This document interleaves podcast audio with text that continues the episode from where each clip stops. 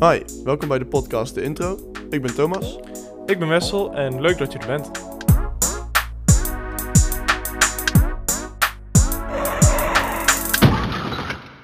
Welkom eh, bij onze podcast. Vandaag gaan we het hebben over ADHD. Het volgende wat wij even duidelijk moeten maken is dat deze podcast alleen bedoeld is voor erkenningsdoeleinden en wij zijn geen experts op dit gebied. Wessel en ik zijn ervaringsdeskundigen op dit gebied omdat wij op vroege le- leeftijd gediagnosticeerd zijn en er zelf al ons hele leven mee omgaan. En om deze reden ons verhaal kunnen vertellen. Hiernaast wordt ADHD door iedereen anders ervaren en is alles wat wij hier zeggen geen vaststelling van diagnose. Wanneer je het idee hebt dat je gelijksoortige problemen ervaart, ga je mee dan naar de huisarts. Ja, nou, dus vandaag hebben we het over eh, ADHD. Ehm, de letterlijke vertaling hiervan, want het is een afkorting, eh, die staat voor Attention Deficit Hyperactivity Disorder. Ehm, in Nederland spreken we dan ook wel over eh aandachtstekortstoornis met hyperactiviteit. Mhm.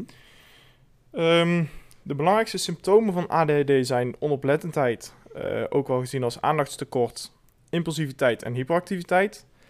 En deze, komen, deze symptomen komen in combinatie voor of ehm, afzonderlijk van elkaar. Eh, het eerste, je, je hebt drie verschillende vormen. Ja. Je hebt de eerste vorm waarbij onoplettendheid voorop staat. Ja. Die wordt ook wel gezien als ADD, zonder de H. Eh, dat is de vorm die bij ons is eh, gediagnosticeerd. Ja, die wordt nou, om even duidelijk te maken, niet meer gediagnosticeerd. Er wordt nou alleen nog maar ADHD gediagnosticeerd. En daarbij wordt vastgesteld of je dus eh, onoplettendheid of hyperactiviteit hebt. Ja. Of, nou ja, daar gaat Wessel dadelijk wat verder over vertellen, de gecombineerde versie. Nou, dus je hebt eh, hè, vorm 1 is de vorm waarbij onoplettendheid voorop staat. Dan heb je degene waarbij eh, hyperactiviteit en eh, impulsiviteit voorop staat. En dan heb je nog het gecombineerde beeld, waar zowel onoplettendheid als hyperactiviteit en impulsiviteit beide op de voorgrond staan. Ja, precies. Eh Wessel en ik zijn allebei op relatief vroege leeftijd al gediagnosticeerd. Ik ben gediagnosticeerd toen ik net aan het einde van de groep 8 zat. Ik, eh, ik zat eh, in groep 8 en ik, had, ik was op zich, ik had prima punten. Alleen, ehm, ja, mijn concentratie was gewoon eh, eh, niet on point. Mijn docenten wisten niet per se hoe ze ermee om moesten gaan. En toen heb ik een, ondanks dat mijn ehm CITO-score was er toen nog, CITO, Ja. Ehm, die was, was perfect, die was prima voor de HAVO. Eh, mensen met een echt een veel minder hoog CITO-score mochten wel naar de HAVO en ik niet, omdat mijn docent niet wist wat er mis was, maar het, het lukte mij niet in de klas. Ehm, en toen eh, hebben we mij toch laten testen en toen vlak voordat ik dus die, eh, ja, dat resultaat kreeg, wisten wij dus al, was bij mij dus al gediagnosticeerd dat ik ADD had op dat Ja. moment. Nu ben ik er meer van overtuigd dat ik gecombineerd heb. Alleen, ehm, dat, kan je, dat, ja, dat ga ik nou niet meer vaststellen. Daar heb ik verder eh, Nee. Geen extra ehm, basis voor. Maar ehm, toen kreeg ik dus ook net medicatie. En toen ging het eigenlijk een stuk beter. Eh, dus toen heeft mijn moeder me toch nog aangemeld voor de HAVO. Ja. Ehm, toch gewoon nog HAVO gedaan. HAVO afgerond. Ondanks dat wij daar wel een, eh, een verlengd project in hebben gehad allebei. Maar daar It begon mijn... ja, it is what it is. Maar daar, daar begon mijn, eh, mijn pad een beetje. En vanaf daar ben ik ook wel meer gaan leren over ADD. Want in het begin, op het moment dat jij ADHD Ja. hoort, dan heeft iedereen een beetje hetzelfde beeld. Dat je een of ander hyperkind bent wat zich niet kan concentreren. En waar iedereen vervolgens op zegt, ja, maar ik kan me ook niet altijd concentreren. Maar we gaan er in deze podcast een beetje duidelijk over maken wat daar een beetje het verschil in zit. Zeker, zeker. Nou, ik ben, ehm, ja, ik ben eh, op de basisschool ook gediagnosticeerd. Ik denk iets eerder dan jij, want ik Ja, kan me herinneren... Ik kan me herinneren dat ik ook ehm, al met medicijngebruik en zo al een hele tijd eh, op de basisschool zat. Dus dat ja, maar goed. Ehm, eh, ja, ik liep een beetje tegen dezelfde dingen als jij aan. Eh, de intelligentie was er wel, maar het, het lukte op de een of andere manier gewoon niet. En ook goede CITO-scoren. Ehm, en ik denk, ja, het zal misschien groep 6 zijn geweest of 7 dat ik eh, gediagnosticeerd ben. Ehm, ja, en daarop, eh, daarop verder gegaan. En ik denk dus ook dat het, dat het wel goed is als je op vroege leeftijd bent gediagnosticeerd. Ehm, je kan dan namelijk, als je dus zeg maar je, met je eigen problematiek wil leren omgaan, Ja. kun je Ja. weet je waar je in welke hoek je moet zijn als je, als je het wil aanpakken. Ja. Nou ja, op jonge leeftijd kan je natuurlijk nog veel makkelijker dingen aanleren. Dat ook. Ehm, en, en vandaar dat ik het ook jammer vind dat natuurlijk medicatie, vooral hier in Nederland, gewoon meteen als eerste aangeschreven wordt. Zo van, Ja. dit is de oplossing. Persoonlijk denk ik niet, maar we gaan dadelijk even aanhoren wat daar onze ervaringen van zijn. Eh, dat medicatie ehm, de enige oplossing is, of de volledige oplossing. Ik denk namelijk dat er meer dingen bij, eh, eh, bij komen. Maar je kan dan natuurlijk wel, op het moment dat jij het op jonge leeftijd hebt, je hoeft en niet meer te speculeren, want je moet dus om de diagnose te krijgen eh, voor je elfde al bepaalde symptomen hebben gehad om de Mhm. diagnose überhaupt te kunnen krijgen. Dus stel je zou hem laat moeten krijgen, dan zou je je nog op een of andere manier moeten herinneren dat je voor je elfde ook al eh, dezelfde symptomen had. Dat zou natuurlijk wel kunnen, maar dan moet je, moet je ver terug. Ehm, en, en op het moment dat jij een, een, juiste, een juist iemand om je heen hebt die, de, die jou daarbij kan helpen, dan leer je ja, van jongs af aan een stuk sneller dan dat jij nog op je 25ste je levenswijze moet aanpassen, bij wijze van spreken. Ja. Ehm, en ik, ik denk dat dat een, een groot deel is wat mensen missen, is dat ADHD helemaal op te lossen is met medicatie. Terwijl ik denk dat veel ADHD'ers er uiteindelijk toch tegenaan lopen dat medicatie niet alles is. Nee, Ehm, zeker. En voor sommigen werkt het heel goed. Ehm, voor mij eh, werkt het helaas eh, iets minder goed. Ik, eh, ik werd altijd, na vijf uur had ik altijd een enorme dip. En dan, ik was gewoon, vervolgens kon ik gewoon echt helemaal niks meer. En met mijn wil om vervolgens toch een stukje productiever te zijn, ehm, werkte die medicatie niet voor mij. Dus ik ben er ook al mee gestopt toen ik 16 was, een beetje. Mhm. En, ehm, maar ja, wat jij ook al net omschreef, is ja, het een beetje hetzelfde. Het was ook gewoon een beetje, je werd een beetje een zombie. Ja. Ehm, simpelweg ook omdat je, je creativiteit wordt, eh, wordt zo'n beetje weggenomen met die, met die medicatie. En die medicatie die is niet, niet per se iets super slechts. ehm, maar op het moment dat jij goed zelf kan reguleren, denk ik dat je wel eh, een heel eind kan afbouwen in die medicatie. Maar je moet gewoon iemand hebben die daar jou bij kan helpen. Om, kan wij, om, ja, om te kunnen wijzen van welke kant je op gaat, weet je wel. En ik heb gelukkig had ik mijn moeder, die gewoon veel verstand van, van had. Die is eh, GZ-psycholoog.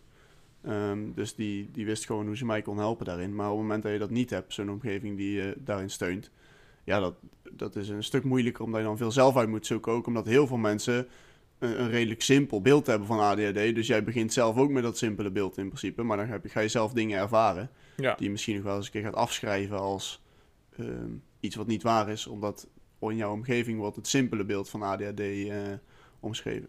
Ja. Hoe heb jij dat ervaren? Je jonge, je, vooral je middel, middelbare jaren met ADHD?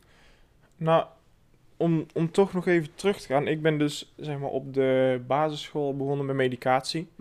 Ehm, voor zover ik me kan herinneren heb ik er hier op de basisschool ook het meeste last van gehad eigenlijk.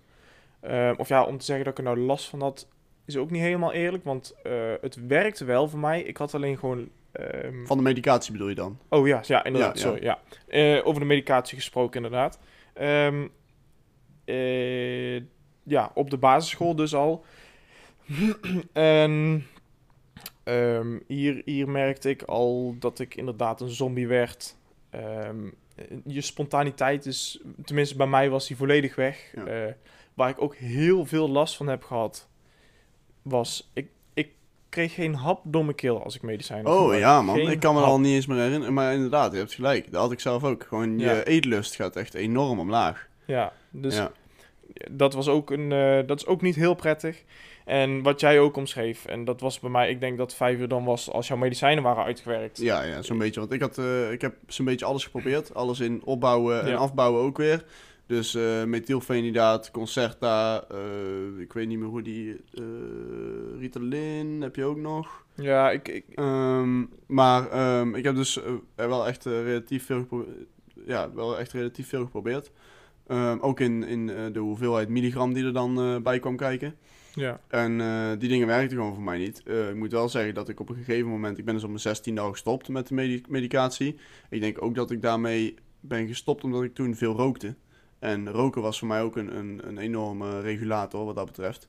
Gewoon een, een, eh, ja, een spanningsontlater op dat moment. ja, En nu, pas later op, heb ik echt geleerd hoe ik, kan, hoe ik goed kan reguleren zonder dat ik dat Ja. extra eh, sigaretje nodig heb, bijvoorbeeld. Ehm, dus ik, maar ik denk dat het gewoon heel belangrijk is om te kunnen kijken waar kan je naartoe en, en eh, hoe kan je nou zorgen dat je, zelf, dat je het zelf een beetje onder de duim krijgt, zodat je die medicatie niet per se nodig hebt. Want ik denk dat die medicatie voor sommigen werkt die natuurlijk heel goed, of misschien in lagere waardes. Ehm, maar voor mij hielp het vooral om door mijn eerste jaren middelbare school heen te komen. Ja. Maar waar wij het ook over hebben gehad, is op het moment dat iets ehm, voor jouw gevoel niet, niet hetgeen is waar je naar streeft. Pardon. Of eh, niet hetgeen is ehm, waar je echt passie in vindt. ja. Dan, dan is het voor een ADD'er echt al zoveel stuk moeilijker om, om daarin door te zetten. Als je Simpelweg- medicatie op hebt. Ja, of je nou medicatie op hebt of niet, dat maakt eigenlijk helemaal niks uit. Ehm, Oh, als je iets doet waar je geen passie bij ja, hebt. op het moment oh, dat je ja, geen ja. passie hebt bij iets, dan, dan eh, is het zo aanzienlijk veel moeilijker dan wanneer je wel ergens passie bij hebt. En dan komen we ook een beetje aan bij een punt wat ik pas veel later heb uitgevonden. Toen ik dus wel echt uitvond wat ik leuk vond. Ja, En nou, dat is. ehm, ja, sorry, ik wil nog heel even afmaken van Oh, medicijngebruik. Ja, eh, sorry, Ja, ga, voort, ga voort, ga voort. Maar ehm, het klopt wat je zegt inderdaad. Ehm, maar goed, mijn medicijngebruik. ehm, toen op de basisschool, eh, na vijf uur dip. En ehm, eh, ja, gewoon veel last van gehad toen. Of ja, last. Het heeft wel geholpen, maar het was niet altijd even fijn. En daar ben ik ook later... Later ben ik ook steeds meer gaan ervaren... eh, steeds meer bijwerking gaan ervaren. Mhm, Zoals? Ehm, nou, nu ik ze dus heel af en toe gebruik rondom de toetsweken. Ehm, dus dan is mijn lichaam er ook helemaal niet meer aan gewend dat ik ze überhaupt gebruik. Heb ik echt dingen zoals eh, zweten, Ja, koude handen, ja, koude ja, voeten, trillen. Onrustigheid in je lichaam eigenlijk. Heel erg onrustig in je lichaam, die je er eigenlijk wil uit, die je eigenlijk wil uiten, maar ehm, dat lukt ook weer niet of zo. Heel, eh, een soort opgesloten gevoel een beetje. Ehm, en niet super extreem. Het is niet dat ik, dat ik, dat ik, dat ik het idee heb alsof, eh, alsof ik mijn vel uit moet, weet je wel. Ja. Maar toch wel eh, in, in, in, ja, in mate dat ik dat, eh, dat ik dat ervaar. Dus ik wil er nou eigenlijk ook helemaal vanaf. Ehm, ook rondom de toetsweek, omdat die medicijnen, die, eh, ja, die vind ik gewoon steeds vervelend. Ja. Maar ja, goed, en ik heb, ik, Oh. heb dus, ik heb dezelfde ervaringen wat dat betreft. En Ja. ik, ik denk dat je er prima vanaf kan komen. Maar je moet gewoon een aantal hele duidelijke dingen voor je hebben. En dat is dat op het moment dat je hiermee dealt, dan zijn dingen zoals planning niet vanzelfsprekend. En dat is natuurlijk bij, bij niemand vanzelfsprekend, want planning is enorm belangrijk en voor bijna iedereen moeilijk.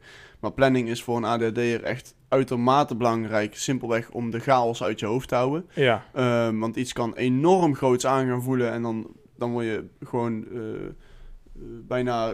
ehm, ja, dan voel je je inderdaad een beetje opgesloten in je eigen lichaam, omdat je er eigenlijk op dat moment niks mee kan.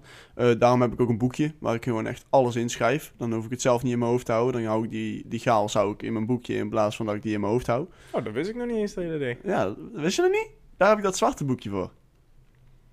Oh ja, met, die, ik- met die toomsticker erop. Nou, dat doe, ik- daar schrijf ik dus alles in op. En dan vanuit daar kan ik mijn planning maken. En organisatie, ik ben een best wel dwangmatig planner en organisator. Mhm. Ehm, maar dat komt gewoon serieus, omdat ik dat gewoon echt nodig heb. Ja. Anders dan, anders dan word ik gewoon echt gek. Dan word Ja. ik gewoon letterlijk gek. Ik, ik onderhoud dat anders gewoon niet. En stiptijd is bij, bij ADHD ook echt eh, eh, super lastig. Maar wel iets wat super belangrijk is. Want stel je krijgt het eenmaal onder de knie, dan kan je ook wel gewoon echt eh, knallen daarin. Maar daarvoor, voordat je die dingen een beetje kan starten, denk ik dat je een beetje aan moet komen bij ehm, welke passie je vindt.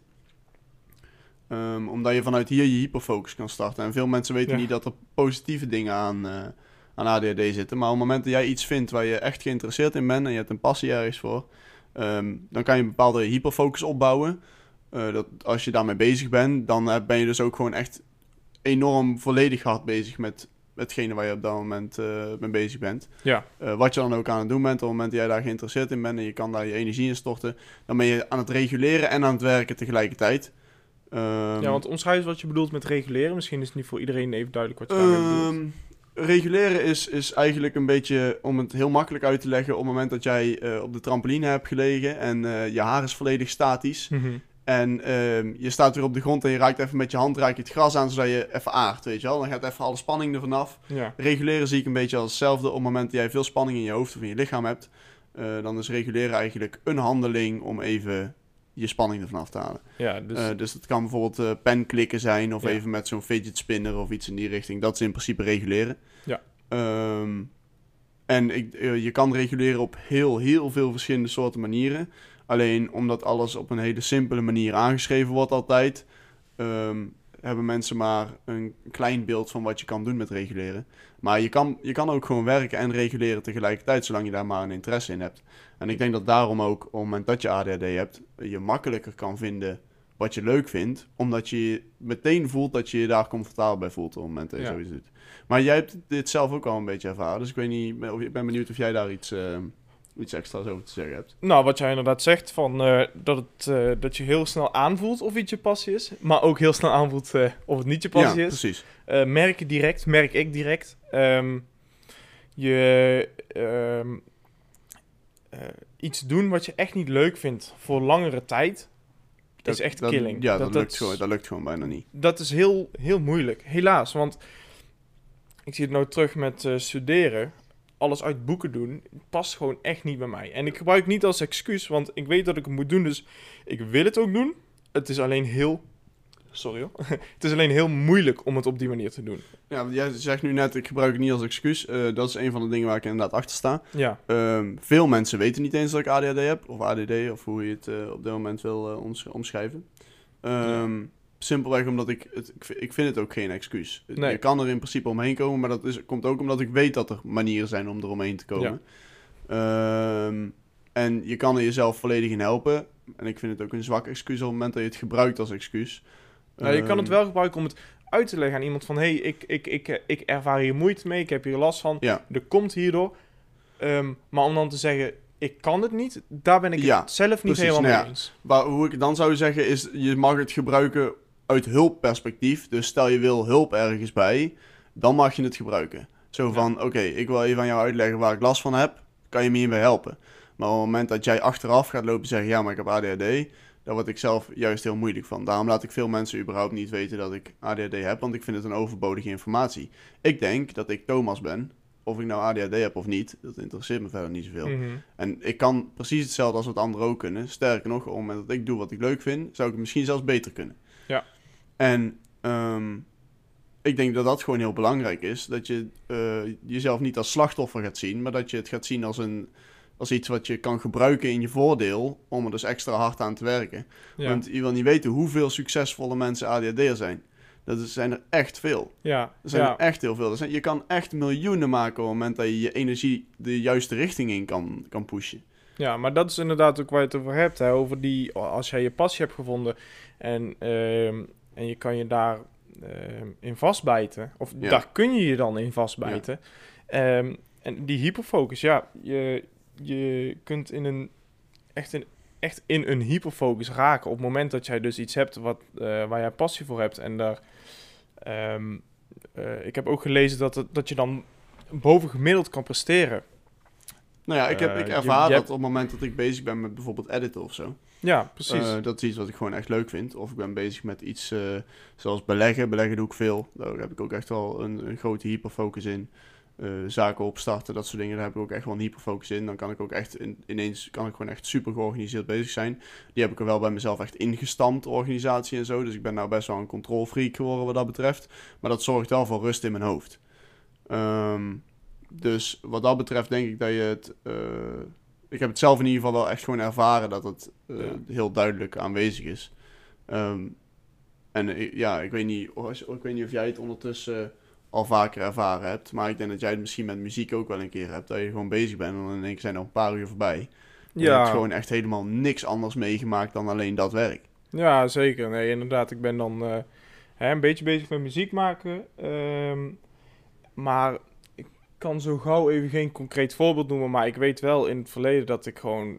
Dan had ik weer iets nieuws en daar kon ik me dan echt in vastbijten. En dagenlang, dag in dag uit mee bezig zijn. Ja. En ehm, ja, dat, dat is wel echt gewoon die, die hyperfocus die we dus aanhalen. Ja. Ehm, en als je die vast kan... En ik, ik wil niet zeggen dat als je in die, eh, hè, die hyperfocus zit... dat je dan alles kan eh, zonder enige moeite. Ik bedoel, je hebt alsnog je discipline nodig. Ja, tuurlijk. 100%. Want, want niet alles is even leuk altijd om te doen. Dus je hebt gewoon je discipline nodig en je motivatie om iets gedaan te krijgen. Ehm, alleen het helpt wel gewoon als je ergens passie voor hebt. Dan is dat wel weer een... eh, een ehm, ja, het helpt wel. Ja, ja, precies. Wat ik even uit de weg wil schuiven trouwens, is... eh, mensen gaan misschien eh, focussen op het hyperfocus, dat het ook vanuit het hyperen komt. Oh ja. Ehm, ADHD, leuk feitje. ADHD, het hypere gedeelte daarvan, is juist een, ehm, een gedeelte eh, dat je juist niet zo hyper bent. Dus je lichaam maakt, is eigenlijk... ehm, juist, juist te heeft juist eigenlijk te weinig aandacht voor, voor dingen. En vanuit daar gaat je lichaam dus meer pep aanmaken om dus wel alert te kunnen zijn. Want anders heb je dus een onderalertheid. En de medicatie is dus eigenlijk eerder een pepmiddel dan een downmiddel. Simpelweg omdat je dan eh, zelf niet meer hoeft te peppen. Dus eigenlijk ADHD hyper is een beetje misplaatst. Eh, ja, er komt een hyper gedrag uit. Alleen eigenlijk ben je juist onderalert. En je lichaam zorgt ervoor dat hij dat evenaart door een overalertheid. En daardoor ben je Mhm. dus ook makkelijk overprikkeld op het moment dat je eh, ADHD hebt. En dat is ook weer voor iedereen anders. Ik ben niet zo heel snel overprikkeld.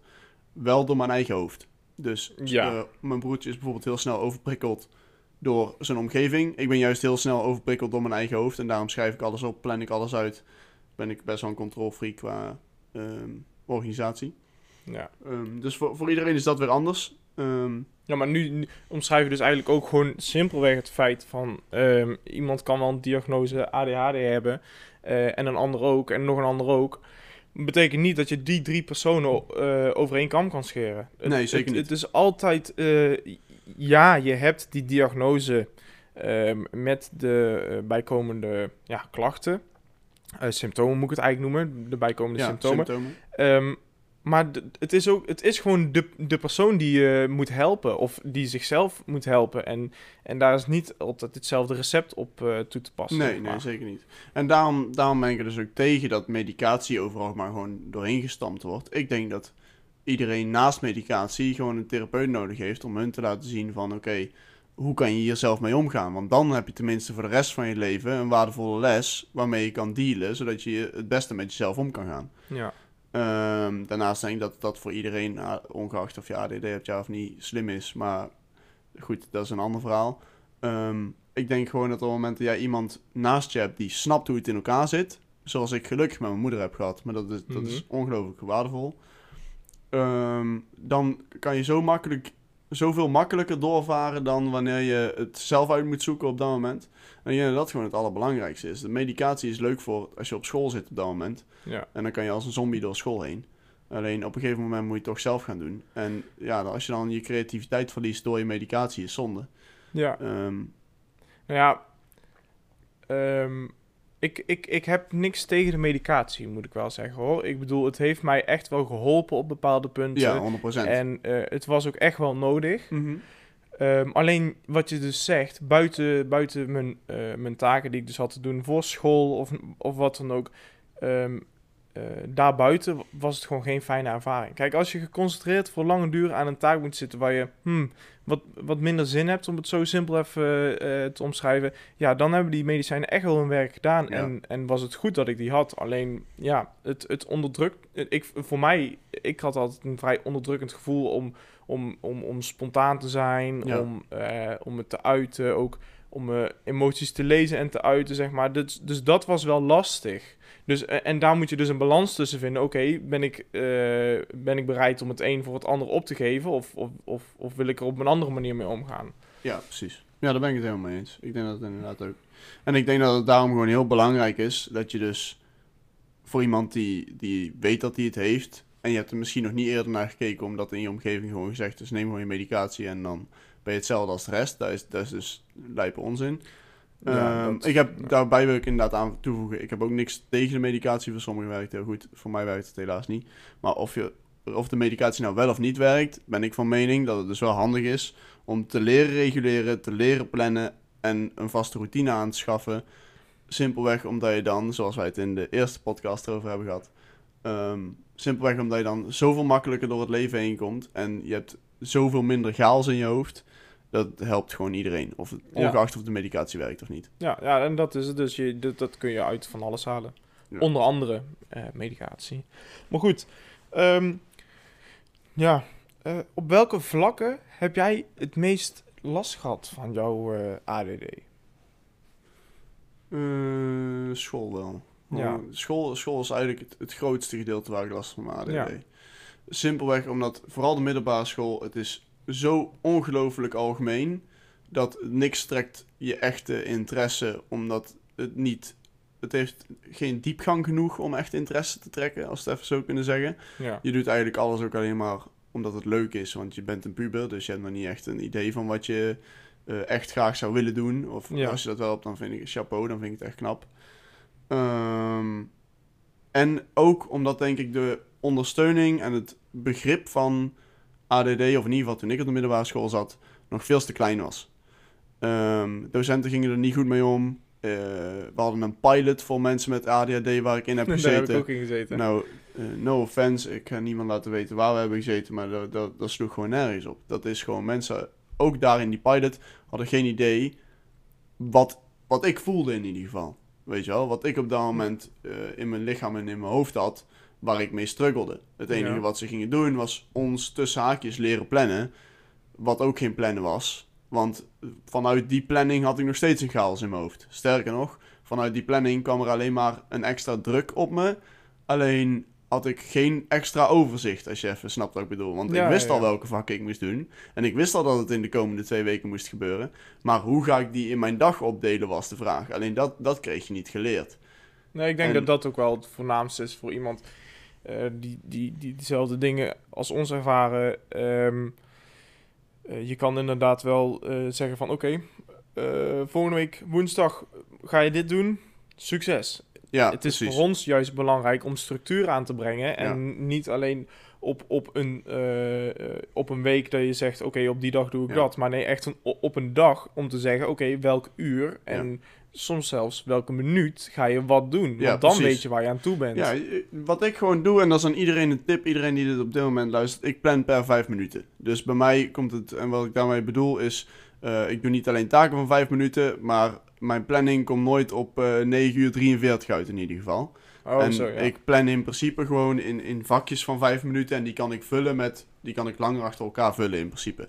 En zo moet je dat ook doen, want dan ga je dus ook kijken naar hoeveel pauze heb ik daadwerkelijk nodig. Eh, hoe lang ga ik ook daadwerkelijk aan een vak zitten. En ik vind dat ook echt een oppikken voor docenten. Zorg dat je dus, leerlingen die er last van hebben, echt zelf duidelijk een planning leert maken. En ik weet dat het echt heel lastig is, maar zorg dan dat je daar een docent neerzet die daar een bepaald begrip voor heeft. Die enigszins kan snappen ehm, eh, hoe, die, hoe die leerling zich voelt op dat moment. Die zelf ook weet hoe die juist moet plannen voor zichzelf. Jij hebt daar een fijne mentor in gehad, volgens mij, die jou daar goed mee heeft geholpen. ja, ja, dat was niet mijn klassementor, maar dat was inderdaad een, een hulp, wel vanuit school. Ja, Ehm, eh, die, die mij daar eh, goed in heeft begeleid en die mij ook begreep. Ik denk dat simpelweg al dat, dat iemand je begrijpt is al heel veel en dan kun je het gesprek Ja. starten. Als iemand je niet begrijpt is het heel moeilijk om, om, om überhaupt door te gaan, oké, hoe ga ik je helpen? maar ja, da- daarvoor heb je natuurlijk, en daar, daar gaan we nou niet verder op in, want dat is, dan gaan we weer terug, meer, meer terug naar mentoren. Maar dat begint natuurlijk bij het luisteren naar de leerling. En dat is heel lastig, want we hebben toevallig net nog een hele interessante, interessante opgehete discussie gehad met mijn pa over bij wie het dan lag, aan de leerling of aan de docent op het moment dat er iets misging in de klas of in de planning of enzovoort enzovoort. Mijn mening is dat er op dat moment ligt het aan de docent, simpelweg, omdat de leerling nog niet weet wat hij moet doen. Die heeft nog geen levenservaring, die heeft nog geen idee hoe hij ermee om moet, gaan, dus die is nog zoekende.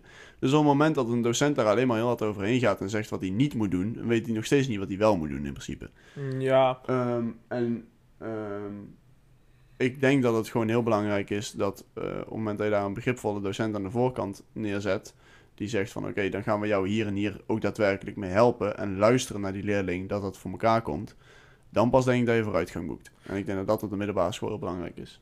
Ja, nou ja, het is natuurlijk wel een beetje zo dat zo'n ehm, eh, leerling, als die weet waar die last van heeft, eh, die kan zelf ook aan de bel trekken, hè? Ja, dat wel. Maar ik denk dat het, wat ik in ieder geval heb ervaren, is ik vond het enorm moeilijk om hulp te vragen op dat moment. Ja, dat, dat is ook lastig. Dus het is een beetje een wisselwerking. Het is vanuit beide kanten. En, en ik, snap, ik snap wat jij zegt van eh, eh, een docent moet, moet er begrip voor hebben. Dat, dat, ja, dat werkt gewoon het beste. Daar ben ik het mee eens. Ehm, ja, hoe je dat dan precies zou vormgeven. Ik, ja. Ik, denk, ik denk gewoon echt dat een leerling, vooral in de onderbouw van de middelbare school gewoon nog te weinig ervaring heeft om daar zelf iets over te kunnen zeggen. Ik denk dat hij inzage moet hebben omdat hij kan zeggen wat hij zelf voelt. Alleen daar moeten stappen voor gezet worden door iemand binnen middelbare school. Maar nu gaan we echt heel diep in op, op hoe dat eh, middelbare school leventje allemaal gaat. Ik wil nog even gewoon een paar laatste tips en tricks aan iedereen die ehm, hiermee ook mee dealt of mogelijk eh, ehm, ja, met soortgelijke problemen dealt. En nou, als je dus soortgelijke problemen hebt, ga naar de huisarts. Kijk even of je het kan checken. Ehm, stel, je hebt hier last van. Ehm, onze tips en tricks zijn toch, begin bij medicatie. Probeer het op zijn minst. Als het niet werkt, dan is het zo. Ga dan door naar de volgende tips en tricks. Eh, voor de ene werkt medicatie wel, voor de andere werkt medicatie niet. Ehm, sporten. Sport is heel belangrijk. Sport is eigenlijk gewoon een makkelijke reguleermachine die e- enorm voor de dag werkt. Op het moment dat jij begint, de, als, op het moment dat jij de dag begint met sporten, dan heb je eigenlijk al een reguleermachine die werkt voor, eh, voor op, op zijn minst 75% van de dag. Ehm, leer een beetje over ADHD. Dus apart van dat wij hier natuurlijk een beetje over onze eigen ervaringen aan het lullen zijn. ehm, leer zelf een beetje over wat het inhoudt. En kijk waar je jezelf ehm, aan aanhaakt. Dus Mhm. waarbij je zegt van hé, dit, eh, dit merk ik ook. En een van de wat lastigere dingen is ga op zoek naar je passie. Zodat je het echt in jouw voordeel kan gebruiken, heel je ADHD. Eh, en plannen. Leer Ja. echt plannen. Plannen is echt, eh, echt, echt key. Ja, kijk, plannen is key. eh, dan moet je er nog aan houden. Maar in ieder geval begin bij het plannen, zodat je in ieder geval weet waar je aan toe bent. En, en vervolgens kun je, kun je jezelf aanleren, oké, hoe Ja. ga ik me eraan houden? Welke strategie gebruik ik daarvoor? Ik zeg het je. Plannen is key. Aan je planning houden maakt helemaal niks uit. Echt Mm. waar. Wacht even, Ja. wacht even. Die ga ik uitbreiden. Oké. Want op het moment dat jij plant, dan begin je tenminste. Maar dan moet je dus wel van tevoren een juiste planning hebben. Dus jij moet van tevoren opschrijven dat jij om 9 uur begint. Want dan op dat moment, op het moment dat jij zegt, op het moment dat jij om 9 uur een keer uit je bed rolt, dan heb jij het gevoel, kut, ik had eigenlijk al moeten beginnen. Maar op het moment dat jij zo hard jezelf straf geeft dat je nog niet begonnen bent, dan krijg je een setback waardoor je het helemaal niet meer gaat doen. Omdat je dan een slechte link legt aan hetgene wat je dus gepland hebt. En ik merk dat bij mezelf en ik merk dat bij veel mensen in mijn omgeving. Je moet echt zorgen, plan, maar plan niet met een schuldgevoel. Want Ja. op het moment dat jij echt zo vast jezelf eraan vastbijt dat je het op dat moment moet gaan doen, dat werkt niet altijd. Want je planning is niet perfect. Je maakt nooit een perfecte planning. Ja, dat, dat is wel zo. En ehm, als ik het zo hoor, eh, voor jou zal het waarschijnlijk zo het beste werken. Voor mij echter moet ik wel zeggen dat eh, mijn planning is heel belangrijk. Ehm, alleen, eh, jij zegt dan over het stukje aan je planning houden maakt voor op de korte termijn dan niks uit. Voor mij maakt dat wel veel uit. Ik, ik merk gewoon dat ik zelf, als ik me er dan niet, niet aan hou, dan, dan, dan begint het uitstellen ook. Terwijl als ik me er vanaf het begin aan hou, ehm, eh, komt het uitstellen niet zozeer eh, eh, aan bod. Dus voor mij is dat toch wel een, een, een wat belangrijker punt nog. Maar goed, hè, dat is Mhm. hoe het dan bij jou werkt en hoe het bij mij werkt. Dus er is geen goed of fout in. Ik merk alleen bij mezelf dat op het moment dat ik me er niet aan hou, ook op de korte termijn, dan, ehm, dan kan ook heel mijn planning Ja. in de soep lopen. Dus, dus Ja. ja. Persoonlijk zie ik die meer als fases, want ik herken jouw punten namelijk wel. Ehm, alleen ik zit nu zover dat ik, ehm, ehm, als ik jou herken, dan zie ik mijn baan vanuit daar naar waar ik nu zit met plannen. Omdat ik, ja, nu ben ik iets veel controlfreak, dus ik zou mij niet nadoen. Maar ik ben iedere keer die, die punten waarop je dan dat besef krijgt van oké, ik moet nu beginnen, want dat zit meer, meer in motivatie slash dis- discipline eh, hoek. Dat ik hem dan opnieuw herplan en dan opnieuw begin. Op het moment dat je vanaf dat moment inderdaad gaat uitstellen, op het moment dat je niet meteen aankomt, dan zit dat punt van besef ook pas later. En ik denk, zo, hoe meer ik dat punt van besef eerder terug heb gebracht, hoe makkelijker ik kon herplannen, waardoor het voor mij minder uitmaakte of ik meteen die, die eerste planning aanhield. Snap wat ik bedoel? Ja, ja, ik, ja. Ik, ik snap heel goed wat jij bedoelt. En ik, ik, ik, ik, ik geloof echt wel dat dat voor jou werkt. Maar ik denk dat het dan voor mij toch iets, Mhm. iets, iets anders werkt. Ja, en dat, dat ik dat anders ervaar. Maar goed, Ja. ja, dat, dat is hoe het is. En eh, dat maakt verder ook niks uit. Nee, daarom. Iedereen is anders, zoals we al eh, hadden gezegd. Nou, goed. We zitten alweer eh op 35 minuten. Ja, En ik denk dat we zo'n beetje, zo'n beetje uitgeluld zijn. Ja, nou, ehm, ik hoop dat jullie het interessant vonden om een beetje inzicht te krijgen in hoe wij onze ADHD, eigenlijk ADD, ervaren. Ehm, ja, je kan altijd iets van je laten horen, eh, wat je ervan vond. En je kan ons volgen op Instagram, op deintro.podcast. En ja, deel deze podcast met, met, met vrienden of familie. En eh, nou, tot de volgende keer.